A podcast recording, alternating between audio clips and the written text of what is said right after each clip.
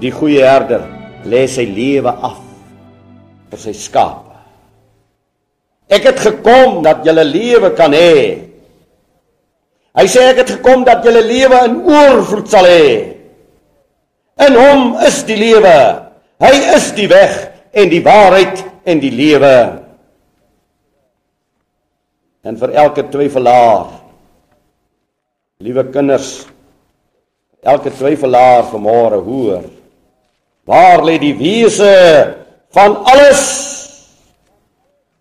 as die mens tog in sy rondhardloopry vanuit die skrif wat hy nie verstaan nie het al sy getwis oor sabbatdae en feesdae en allerlei dinge as hy tog net by die wese kan uitkom by die lewe as ons die getuienis van mense aanneem. Die getuienis van God is groter omdat dit die getuienis is van God wat hy aangaande sy seun getuig het. Wie in die seun van God glo, het die getuienis in homself. Hy wat God nie glo nie, het hom tot 'n leenaar gemaak omdat hy die getuienis nie geglo het wat God aangaande sy seun getuig het nie. En dit is die getuienis En dit is die getuienis dat God ons die ewige lewe gegee het.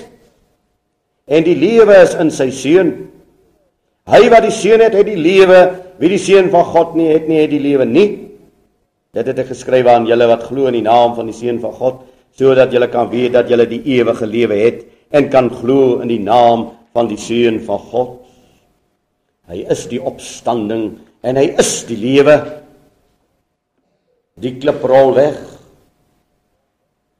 Die klip rol weg. Die leer van Michael in volle geluk in volle oorlogskrag.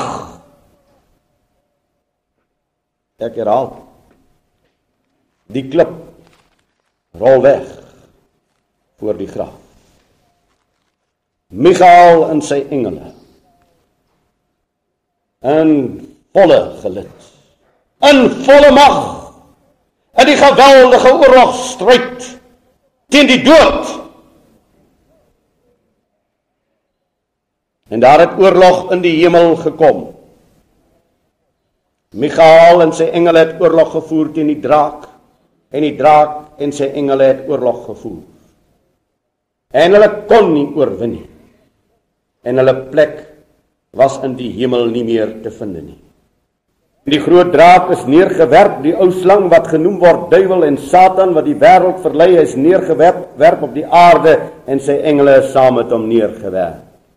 Toe hoor ek 'n groot stem in die hemel sê, nou het die heil en die krag en die koningskap die eiendom van ons God geword en die mag van sy Messia.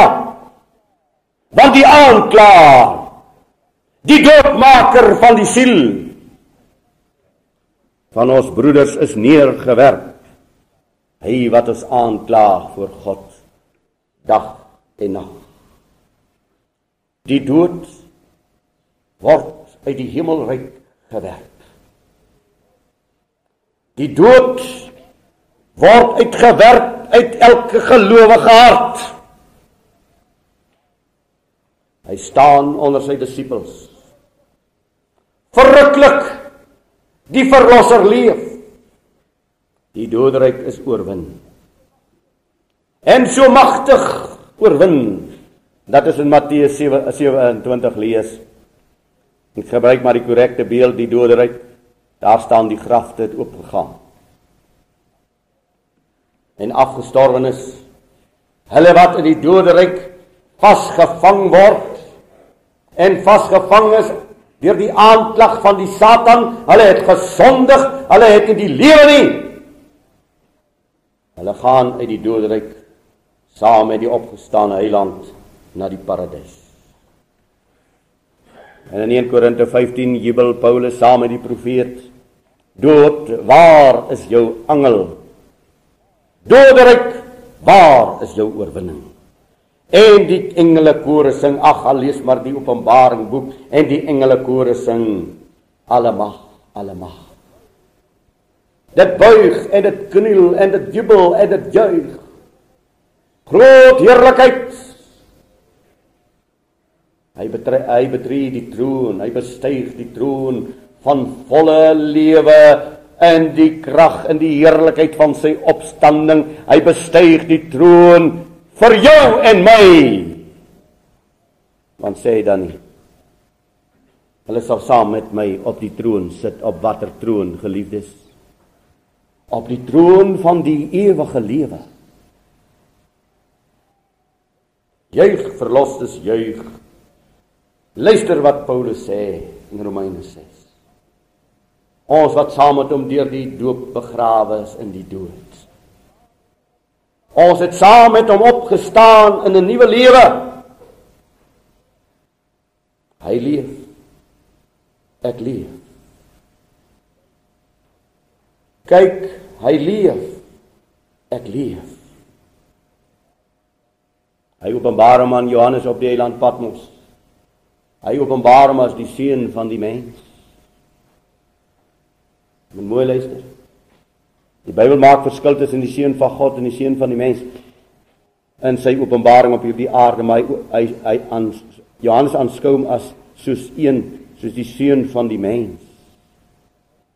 Maar wanneer hy omdraai en werklik die gesig sien, dan sien hy glans, dan sien hy heerlikheid, dan sien hy majesteit, dan sien hy oorwinning, dan sien hy volle krag. Dan sien hy die mens in die ewige lewe. En daar hoor hy moenie vrees nie. Kyk ek was dood en ek lewe. Johannes hier die gebanne apostel. Hy aanskou die lewe aan sy volle gesag. Hy is die waaragtige God en hy's die waaragtige lewe in Johannes 5 vers 20. Romeine 6 vers 23 die genadegawe van God is die ewige lewe. Onvernietigbaar. Onaantastbaar. Ek het vroeër gesê ek herhaal dit vanmôre. Toe hy opgestaan het uit die dood, was daar geen mag, geen koning op aarde, geen regter, niemand kon hom meer aanraak nie. Hy het gestaan in die volle gesag en in die volle mag van die opstanding. Onwrikbaar is die lewe uit en deur Yeshua. Sal u en ek vanmôre vra wat moet ek doen om die ewige lewe te beerwe? Sal en ek vanmôre vra wat moet ek doen om die ewige lewe te beerwe? Sal ons ook vanmôre hoor uit hierdie opgestane eiland se mond een ding kom jy kort?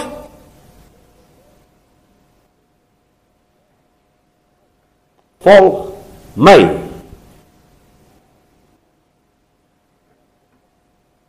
Nee maar meester laat ek eers my vader gaan begrawe.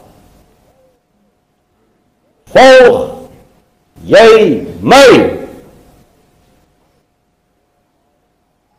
Nee maar vader.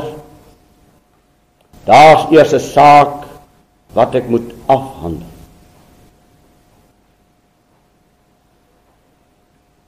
Petrus